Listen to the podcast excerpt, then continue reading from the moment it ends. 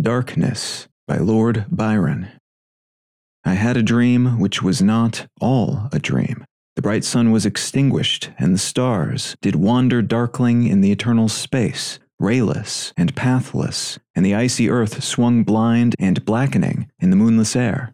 Morn came and went and came and brought no day, and men forgot their passions in the dread of this their desolation and all hearts were chilled into a selfless prayer for light. And they did live by watchfires, and the thrones, the palaces of crowned kings, the huts, the habitations of all things which dwell, were burnt for beacons. Cities were consumed, and men were gathered round their blazing homes to look once more into each other's face. Happy were those who dwelt within the eye of the volcanoes and their mountain torch, a fearful hope was all the world contained. Forests were set on fire, but hour by hour they fell and faded, and the crackling trunks extinguished with a crash, and all was black.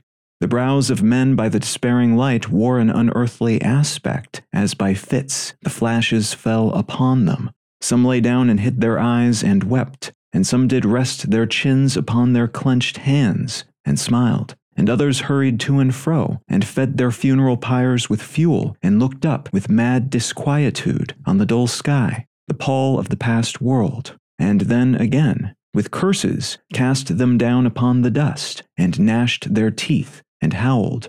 The wild birds shrieked, and terrified, did flutter on the ground, and flap their useless wings. The wildest brutes came tame and tremulous, the vipers crawled and twined themselves among the multitude, hissing, but stingless. They were slain for food. And war, which for a moment was no more, did glut himself again. A meal was bought with blood, and each sate sullenly apart, gorging himself in gloom. No love was left. All earth was but one thought, and that was death, immediate and inglorious, and the pang of famine fell upon all entrails. Men died, and their bones were tombless as their flesh.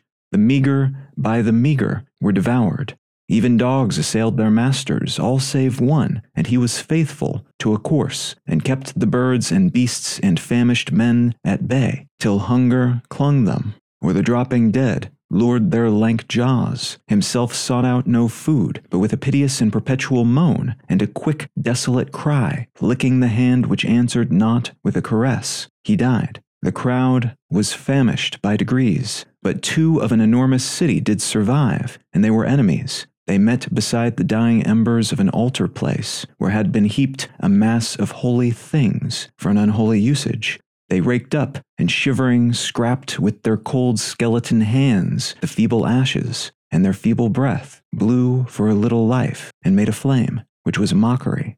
Then they lifted up their eyes as it grew lighter and beheld each other's aspects, saw and shrieked and died. Even of their mutual hideousness they died, unknowing who he was upon whose brow famine had written fiend. The world was void, the populace and the powerful was a lump, seasonless, herbless, treeless, manless, lifeless, a lump of death, a chaos of hard clay. The rivers, lakes, and ocean all stood still, and nothing stirred within their silent depths.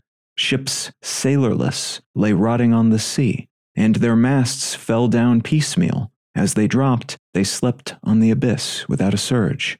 The waves were dead. The tides were in their grave. The moon, their mistress, had expired before.